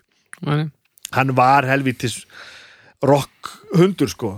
En ég meina þetta er bara þú, þú veist þetta er bara þetta er bara jump með fann heilin Já, já. skilur þetta er bara mm. og þetta er alveg ævinn týralega poppa lag sko en mér finnst Rainbow Dark frábært, Frábært. Lag. Mér finnst það frábært lag frábært. Og svo endar platan á Shame on the Night. Mm. og þetta er eitthvað svo frábært. Sko, Já, hún er 41 mínút og 36 sekundur já, og hún er bara eitt sem við þurfum eiginlega að ræða þurfum að bregðast við hérna því að við erum að vera búin að við erum að súmæra þetta upp og gera hérna hlustendum þann greiða. Hvað meintur þú nákvæmlega með Snæbjörn þegar þú segir ég var hrættur um þetta eyrið dálítið þund mér finnst það svolítið aðteklisverð yfirlýsing. Eh, eh, ég var hérna ég var svolítið hrættur um að þetta væri bara Holy Diver. Já, já, sem við varum að fara að tala um. Já, þú veist, við, jú, við getum eitthvað rætt um hvað að Ron D.M. Stíó væri mikil snillingur sko. Mm -hmm, uh, en svo væri þetta bara þessi eina þetta og, ég myndi eiginlega bara ekkert eftir þessu. Jú, ég myndi, ég hefði eitthvað aðeins tekka á þessu hana, eftir aldamót. Voru þess að þrjárplöt sem komu veist, um og eftir 2000 og ég svona, já, ok, það var eitthvað pínu þar. En ég bara, hvað hefur svo að segja? Og, um hvað hefur að tala, jú, að bjóð til það þungar og bara uh, En en svo bara finnst, þegar maður fattar bara, herru, þetta, þetta tengist mér finnst líka þessi mér finnst þessi Bretlands bandaríka tenging hún er svo ógæðslega stór sko, mér finnst þetta svo mikið mál. Mér finnst líka sko þegar maður sko, maður auðvitað fylgst með með honum bara, þú veist alla tíð, við tökum bara sko, 2000 til 2020, hvenær lest hann? 2000 og tíu, 10, hún ekki? Lest hann 2010? 67 ára, Já, 2010 held ég. hann ætlaði að gera aðra plötu með Heaven and Hell, bara held ég bara sama ár sko. 2010 Nú, já, það var verið tíu árum síðan. Nei, að þegar maður tók eftir því sko uh, sko, að mitt við verðum bara að fara að tala um hólvita eða eitthvað svona, en ég fann svo að svona einhvern veginn virðing í hans skarð óks, svona hann varð alveg svona grand old man of metal einhvern veginn, alveg, alveg hámars virðing Já. og bara, eins og við komum inn á hérna, þú veist, bara hilsteftur gaur Mhm. og bara svona og það, þú ferð, það er ótrúlegt hvað fer langt á því, af því það tengist þú sagði, ég sagði, það er eitthvað vinalegt við röddina, Já. þá segir þú sko, já, það er bara gaurinn og ég held að sé aldrei hægt að slíta þetta í Nei, sundur, nei, Æ, sérstaklega ekki það fyrirlinu er svona langur sko. bara svona blæðir inn í og þá bara eru allir bara eldhressir og líka, tölum um tækni, hann held röddinni bara helviti lengi, bara helviti góður. bara alveg, ég er bara mann ekkert þetta að vera neitt um að góður sko. bara 60 og eitthvað 100 ára gammal sko. og svo er líka bara að þú veist að tala um virðinguna ekki hann hafi verið eldri en sem kallar og minna, hann var alltaf búin að vera í Sabbath og Rainbow og allt þetta. Svo er líka eitt sem að er að þú veist að tala um sko, voru þetta vondar ákvarðin að gera svona plötur og þetta? Ef þú stopnaði bandið þitt 82 og þú tekur hérna eitthvað geðveitt blómatímabil, svo fer þetta eitthvað niður og þú kannski tekur einhver ákvarðin sem mögulega hefur ekkert að taka á, eitthvað bla bla bla bla bla. Þegar, þegar árið er orðið 2010 til dæmis, þegar hann dó þá er, þá er bandið næstu í 30 ára gamalt mm. og hvort sem þú hvort sem að bles í seglin eða ekki hjá þeir sko þá grændaður þetta í gegn mm, mm. og ef þú er búin að gera það í 30 ár við hliðin á öllum, horfa á alla koma og fara og allt þetta dót sko og þú ert ennþá Ronny James Dio þá kemur virðingin sko og það er ekki allir sem koma þú veist, fyrsta plata Dio sem bara slæri í gegn og, allir til í þetta og þvílitt stuð og þú ert færtur það er ótrúið starrend það, það er ótrúlega, sko. þetta er eitthvað sem menn gera þeir eru sko, komnir, rétt komnir yfir tvítut Já. það er klálega þannig, þetta er alveg magnað sko. Og byrjar þarna bara í að með rockið er að, er að, er að verða til. Þá er hann bara að byrja þetta er, þetta er, þetta er, þetta er stórmerkilegt bara. Hva, og, og veist þannig mitt sko, þegar hann dó sko, hann, hann var bara sem er riff bara þegar hann dó. Mm. Ætla, Já, þetta gerðist gerðist mjög hrætt sko að- gerðist mjög hratt já, það bara magakrabbi og þetta var bara, sko, bara bara tæft árið eitthvað, þá var hann bara farin sko. Og ég maður þegar hann dó þetta var risa skellur fyrir bara the community sko. Me, Já, já. metal, öll svo festival bara voru Svakalega mæting í era fyrir sko. já og bara, það voru bara memorials, tribute út um allt sko, þegar hann, hérna á öllum festivalum heimsins sko allt árið eftir. Hann var bara Já, og svona fígúra, þetta er eins og með lemmi og svona, það er, hérna, svona actionfígur þegar þegar er hægt að búa til actionfígur úr þér, sko, þá er þetta auðvitað. flottur, sko. Auðvitað maður. Og bara, og líka, hann har líka mjög sterka innkomu í myndina sem svo, svo margir hafa séð, hann að Headbangers Journey. Það er æðislegur. Er að sveifla hann að sverðinu og bara Já. svo heill. Bara svo glæsilegur, svo skemmtilegur. Þetta er ferill sem spanna mér í 50 ár sko. það er svo ótrúlega magnað. Og, og, og þú veist hann er svo ósnertanlegur einhvern veginn mm -hmm. þú veist, það er meir síðan stundum að svona eins og við talum með Lemmy sko það er alveg hægt að segja bara, já, já, Lemmy var samt bara fyllibitta sem var, vannrækt í börni sín þú veist, öll, öll, öll ímyndir kringu Ron James Dio var bara eitthvað svona, já, bara hann virtist bara ætla að vera góðu við alla Já, góðu allar kraftur í honum bara rugl. lítill og ég myndi að skoða sko ég var að skoða hérna tónleika upptökur frá því bara ekkert, mörgum árum á hann dó bara eftir 2000 sko. Og þú veist það er svo skrítið að sjá svona nafn að spila tónleikum sem er meiri sér sko tónleika sem eru teknir upp og, og svona allavega pródusur eða ég veit ekki hversu- hversu mikið geta að gefið út sumt að þessu en svona allavega tekið upp professionally. Og hann er bara að spila á sömu venjum og við erum að gera í Európu skilur við Mhm. Á meðan að þú veist, meitin er að fylla leikfanga sko, Já, þú já, þetta er ekki eins og þú sett að vera komin á eftirlauna aldur og, og, og þú sett að, þú veist, að uppskera einhvern svona stardom, þú veist. Heldur var þetta bara svona jú, náttúrulega kjarnahópurinn náttúrulega gríðalega sterkur. Mm. en ég meina, þetta er engin svona þetta er engin einhver, einhver super glamur, bara nei. alls, alls ekki. Og allir segja með um hann að Dio hann vann stanslust það var bara túra og gera músík, bara til skiptis Mm. það var ekkert, það var engi pása sko. sángti mann YouTube-klipp einmitt þar sem að viðtal við þá saman hérna Ronny James Dio og Lemmy sko wow. og bara sjá þessa mynd að þú veist, vera með þessa tvo, þeir sátu svona hlið við hlið og voru, voru, voru bara að skála svona bara svona góðsagnir sko. já, já já, ekkert bara góðsagnir heldur líka bara við værum bara aðrir menn en við erum ef ekki væri fyrir þessa menn sko. við værum bara allt annar staðar í veröldunni ef þessir hefði ekki gert það sem þeir gerðu Það er stytta af honum í bænum Kavarna í Búlgaríu. Já, En byrju, hvar, hvar kynntistu, Díó? Eða hvernig, hvernig barst þér þessi plata og hljónsettin? Hver er sagan? sko þessi plata var alltaf einhvern veginn á yfirborðinu sko ég hlustaði hins vegar aldrei þóla mikið á þetta Mm. eh, þessi þennan stutta tíma sem ég endist í, í framhaldsskóla Mm -hmm.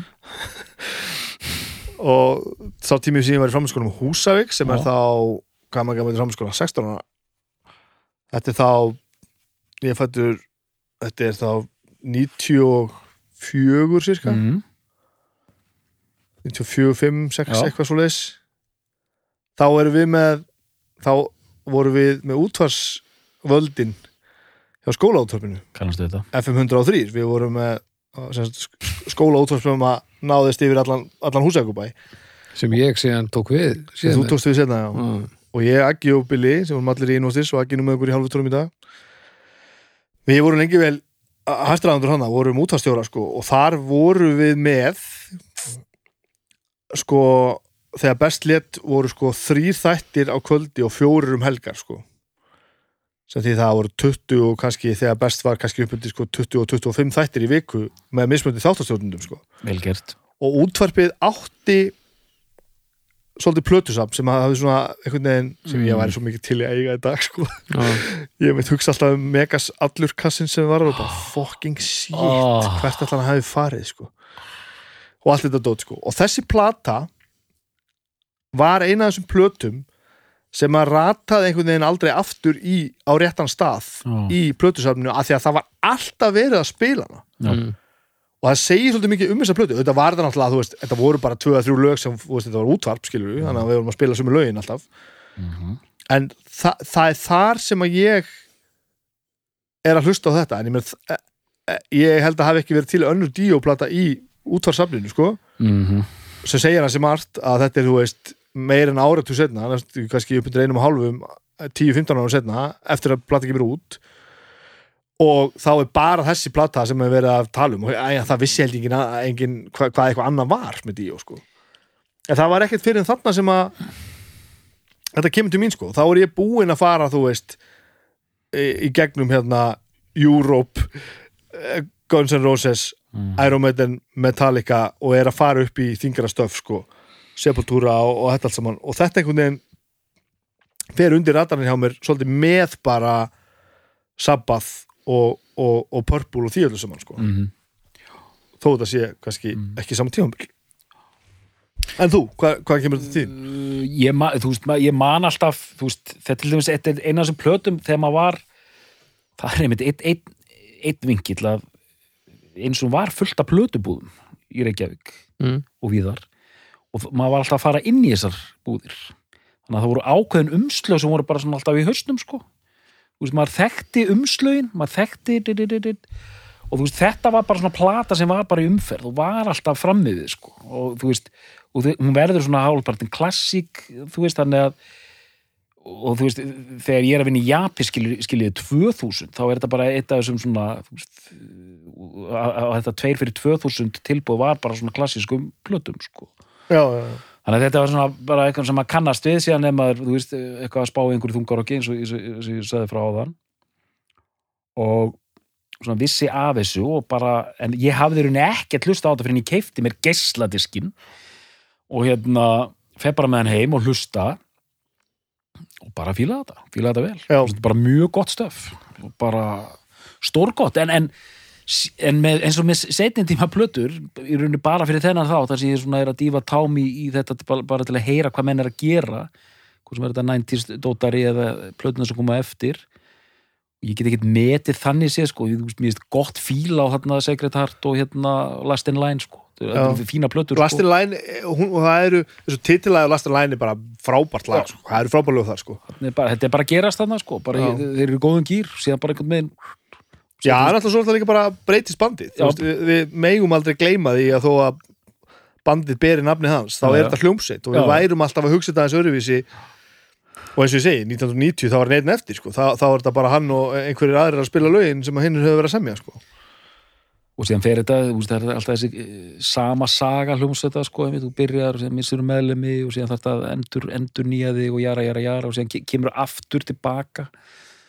Já. sem er líka svona klassins Anthrax sko, Anthrax gerur nákvæmlega sama hlutin hann Sound of White Noise sem kom út held í 93 sem var við, viðbragða plata.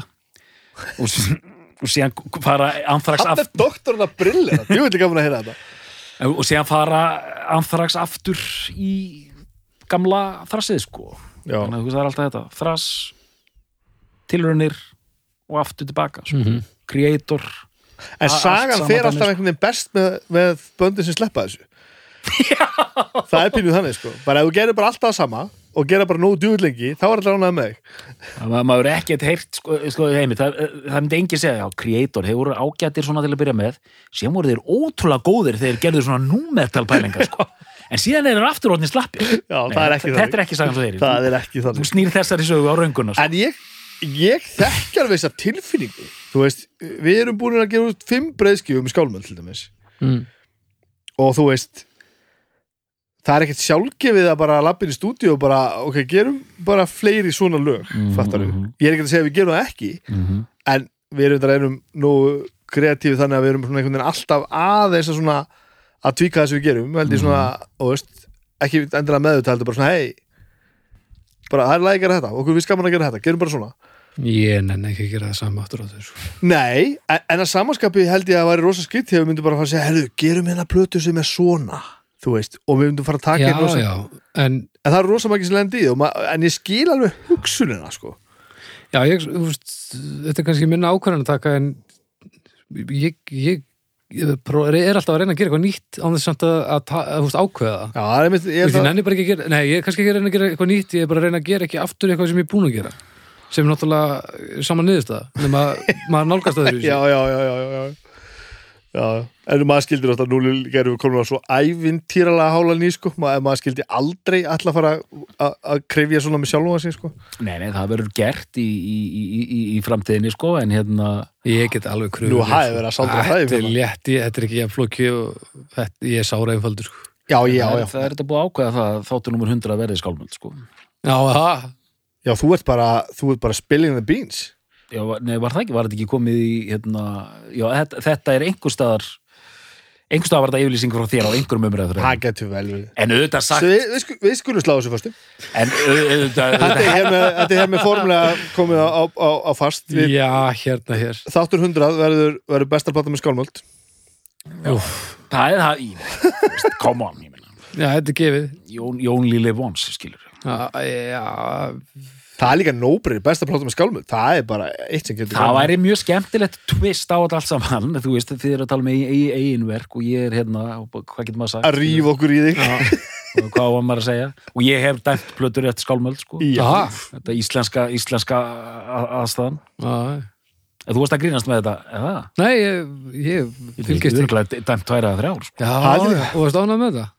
Já, helviti Herru, það er ekki komið þáttur 100 Nei, Það er ekki komið þáttur 100 Við Nei, já, þetta. nei, nei, ég er bara að pæla, sko, ég, maður fylgist þú illa með. En hérna, uh, Dio was named best metal singer the Revolver Golden Gods Awards in April 2010 for his work on The Devil You Know, making him the oldest, uh, sest, 67 og gammal væri hann velun sem besti söngvari ársins fyrir Devil you know er það Heaven and Hell platan. Það er síðasta bláðan og hann kemur og tekur við þessum velunum í eigin personu eh, einu mánuði á er Já, þetta er svolítið þetta sko. Mæta bara og taka við þessu Fara heim og deyja. Ekki eitthvað eitthvað beðja heilsa eitthvað svona frá sjúkarbeðinu Þetta er mjög líkt honum sko. Já og sko það á að fara Heaven and Hell tour. Og það er hann 4. mæ 2010 sem að Heaven and Hell uh, lýsaði yfir að það sé verið að cancela öllu sumurinu af því að hann sé orðið slappur það er 4. mæ og hann deyr 16. mæ hann, hann hefur ekki til í að að að cancela fyrir hann var alveg ljóst greinlega Já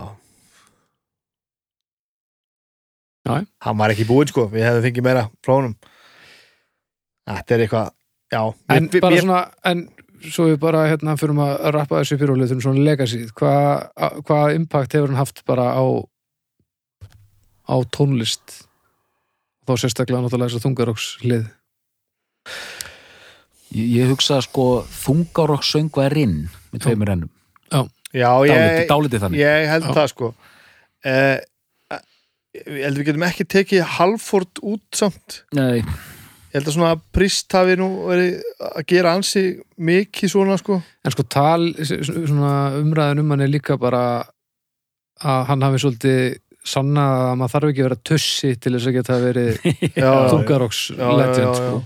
en líka hvar liggur aðeins tala um það, hún er sterk. Já, Þetta er bara svo svakala mikla rödd sko. Já, og þú veist, þetta er, þetta, hún er, þetta, hann, hann syngur melodíst, hann getur, hann getur verið sterkur, hann, hann næra klifra hátt. Mhm. Og eins og þú talar með, með hann gritt, Já, er þetta greitt það er eitthvað svona og, þú veist þú fyndið, ég ætla ekki að segja að hann hafi verið svona að, þú veist, hann leysir þarna nokkur verkefni mjög vel, tekur Rainbow, tekur Black Sabbath, Já. tekur Dio og, og, og leysir úr þessu öllu sko. Já, máttu ekki gleyma Ronnie and the Rumbles. Ronnie and the tala Rumbles. ekki um það maður. Og líka bara karakterinn Já. Já, þessi karakter. það, það er ekkert djóka komin í sabbað á þessum tíma. Ég meina þetta er bara, þetta er gali verkefni. Þetta Já, er einmitt. alveg sturla að gera. Þetta er ekki smá band sko, Ossi þessi þessi rosalegi persónuleiki sko, Mhm. og hann einhvern veginn kemur bara inn á sínum fórsendum og bara, og með eitthvað allt annað attitút, allt annað að teika á þetta og bara, ekkert mál. Kemur svona, þú veist, og þetta, þetta passifæra element, þessi, þessi, þessi, þessi, þessi friðþægjandi eh, nærvera Minna, það, er ekki, það er ekki auðvelt að vinna með Ritchie Blackmore. Nei, nei, en það gekk það ekkert svo sem þannig. Þú veist, þetta sprakk. En þú veist, hann kemur einhvern veginn þú veist, já, það er eitthvað, eitthvað, það er eitthvað svona eitthvað falleg orka í kringum mannin þegar hann mætir að svæði Já, ég, held að Dio sé sko ég held að bandi sér til ennþá. Og það segir símislegt um þetta þú veist að það er, þetta er alltaf líka peningar í spilinu Já, og, já. og allt það. Ba- bandið er starfandi ennþá ég held að heiti Dio Disciples, getur það að gera You Disciples og svo, já ef voru ekki búin að spila saman svona ansi lengi hana og búin að reyna held ég aftur, var ekki Vinnie Capis búin að spila með hann aftur og eitthvað? Þeir spiluðu allavega saman aftur í á Dehumanize, er það ekki? Er ekki Vinnie Capis á? Ég held það. Allavega uh, þegar hann dó þá stopnuðu þeir band sem heitir uh, Last in Line ok, þeir þrýr sem að gerðu með honum Hold Ever. Eða fjórir, ég man ekki hvort þið voru allir. Jú, sannlega allir. Nei, þessast þrýr sem gerðu með honum og hljómbólsleikarn sem kom eins og, setna það er flott hljómsættina Last in Line, þetta er frábært. Svo bara einhver að syngja. Og já, hörðu, það er ein hérna alveg tragikið saga eftir- frá helvíti með það. Þeir ætlu að spila á hefur einhver svona krúsi þetta var ekki svona Def Leppard siglingin, svona festival. Mm. Def Leppard sérna uh, já, sérst skemmtifæraskip Mm. siglandi Mhm. festival. Já. ætluðu að spila sem Last in Line en enduðu með að taka akustist sett vegna þess að að Jimmy Bain hann dó um nóttina. Já, hérna. Í, í skipinu? Hann dó bara í káetinni 2016 2016 Já, hann, hann held að vera með lúnabólgu hann var með, var með ég. Og hann dó og þeir ákveðu bara að þeir gátt ekki og þeir spiluðu bara á kassagitar stæðin eða eitthvað. Spiluðu einhver lög hann já, hérna. og það bandur held ég enn til ég veit svo sem eitthvað það starfa mikið en Last in Line. Last in Line. Og þú veist, mér finnst það allt í lagi. Þegar allir sem að gerðu Holy Diver nema Ronny James Dio ákveða að vera í hljómsitt ég fíla það, mér finnst það töff.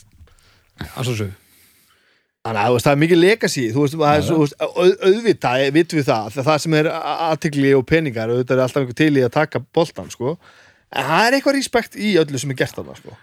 Uh, Last in Line, stúdíualbum 2019 Nú, já, já, það bara að gefa út. Wow. Djöfisarka, 2019, bara núna. Supergroup. Februar 2019 Hver spilar á bassa? Það var Jeff Pilson Pe Pelson Það eru lög bara eins og eins og Landslide og Year of the Guns og Blackout the Sun. Give Up a Ghost Electrified. Þetta er allt gott. Þetta er auðvitað allt sem er gott. Love and War, Gods and Tyrants. Þetta er allt gott. En það er eitthvað hérna eitthvað við Dio bandið sem er ekki annars þar það er eitthvað um, það er eitthvað crossover á milliði þetta New Wave of Mm. British Heavy Metal og bandariska þunglega metalsins? Já, já, og það það er erfitt að setja puttuna á þetta sko. Það er eitthvað snill í þessu. Herri, nú ætlum við að fara að loka að þessu. Uh, Snabbi, byrjum á þér um, já, gaman að taka þetta fyrir. Ég er hérna þetta er, þetta er hérna þetta er mikið sögulegt mál. Um, ég fann það líka einhvern veginn þegar ég byrja að hlusta á þetta að hérna þegar kemur að, að þungarokki maður er svo einfaldur einhvern veginn að það er einhver skurðpunktur í tíma þar sem að allt sem er eldra skiptir mér minna máli. Mm ég veit þetta hljómar ógi slasnalega sko. Mm. En sabbath til dæmis er mér bara svolítið fjarlægt -hmm. ég hlusta á sabbath eins og sagfræðingur Dio er svona einhvers staðar þetta sem verið svona vera á skurðpunktinum Mm. Þetta þetta er fortíðin en, en þetta er samt eitthvað svona sem að ég hlusta á svona, já ég skilda þetta hérna, Mm. þetta var gert á mínum tíma ég fatta, já. fatta hvað er að gerast hérna um, þetta er líka bara við kannski glemdum líka að tala um eitt að, í samvættu þessa plötu þetta er drullu vel samið sko. Mm lögin eru bara ógeðslega klefur og góð og riffin eru tussu skemmtileg og þetta er bara, þú veist, Lúrin já, þetta er glúrið stöf sko. Þetta er glúrið. Vel gert, vel samið, vel Og- struktúrerað og hérna einhver æfintilegu sprengikraftur sem er bara, þú veist og eins og þú ert að segja, er eiginlega ekki frá 40 manni, sko. Nei, þetta er eins og ég myndi hendi þessu plötu til fjögur ár já, þetta er svolítið eins og ég var að reymbast við að gera hólið dæfir núna, ég Já, myndi aldrei geta það, sko. Já, svona eins og að maður veri þá fyrst að fara að byrja að gera það sem maður langaði til að gera á sínum fórsendum þetta er svolítið magnað, sko. Já, þetta er nefnilega djöfull magnað sko. já, það sem þetta sem er fossendunar, ég held að það sé svolítið rétt. Og hann sagði þetta líka sjálfur að hann var búinn að vera að gera hluti með öðrum. Þetta elfdæmi hversu mikið það var hans band, ég átta mikið á því mm. en það verður einhvern veginn að þessu Ritchie Blackmore máli sem er Rainbow og svo fer hann bara að syngu með Sabbath þú veist, og það er ekki nema ákveðið mikið þú veist, það er eitthvað, svona, eitthvað sem er búið að móta áður en að áður en hann kemur að því og hann ákveður bara, herru, fuck it, ég ætla bara að gera þetta eins og ég vil gera þetta og þá verður þetta til sko. Mm Bara En- gluggatrommur og, og allt að já, einmitt, eitthvað svona fullt af eitthvað svona undarlegum steinlíka Mm. þannig að, þú veist og ég er að fatta að þetta, við tölum ekkert um Murray. Þessi gaur hérna, á coverinu, hann heitir Murray. Þetta er Murray? Já, sem Ekki ekki- hryllilega fyndið. Ekki maskotið þetta, það. hann heitir Murray. Hann er með flottan haus sko. Þetta er ekki Eddie. Hvað er hann? Bara djöfull? hann sagði, já, bara eitthvað skrimsli sagði hann, bara eitthvað monster. Ægilega. Úlfadjöfull. nýtt er hann einhvern tíma að lýsa þessu, þessu coveri sko, þetta, já, þetta, náttúrulega var, þetta var conversation starter við vissum það alltaf. Bara já, svo með hann á coverinu hérna. Eitthvað some monster that is drinking, uh, dr drinking drowning a priest. Og hann segir bara, how do you know it's not the priest that is drowning the monster? Mm. mm. Og maður svona bara, já, ok ok, þetta er rosa, ok. Holy moly. Þetta er satt töff cover, sko. Þú veist, það er prestur hérna með naukaragleru Já. allur hlekkjaður í spað og sjá að keðin er slitinn sko. Hann er búin að slíta þetta og hann er bara að fara að sökva og drepast. Murray er að, er, að, er að gera heiminn betri hérna. Hann er að losa sig við prestana. Ú á prestana. Murray er með svona þrúandi nervur svolítið. Það er rétt. Það er hérna, já þetta er hérna um, ég veit ekki alveg hvort að ég myndi þóra að nota árið hlýstaflaust hana en þetta fyllir eitthvað gat í tónlist í þungarókssögunni sem að sem að ég sé ekki alveg aðrar plötur passa inn í.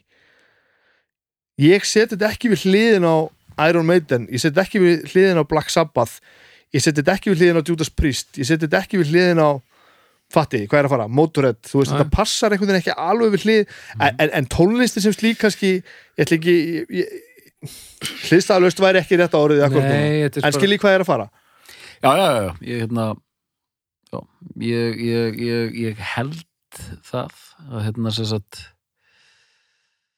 já, þetta er aldrei erfitt að lýsa þessu sko, af því að þetta er einhvern veginn með greinilega rætur í einhvers konar einmitt 70s hard rocki en samt búið að setja hérna harðari þú veist, New Wave of British Heavy Metal kápu ofan á sko mm. Það er kannski bara það, við erum búin að nefna þetta í svona fjóru sinnum, það er einhvern veginn sá samsláttur Já, sem er það, ég held það sko. Og á þessum á, sko, og á, svona stöku bara einhver þýsk einhver þýskur fílingur bara svona með. Já, já, og svona að því og líka þetta kemur út 83 ég meina þú veist, Maiden eru búin að gera þarna þú veist já, ég meina Number of the Beast er komin út sko. Og, og Hvenær hún er Já, og þetta er, og þetta er þetta sama ár og Kill Em All kemur út en það, það, það er svona það er einhver svona klassískur þú veist, bara, þetta sé bara rock sko. Mm.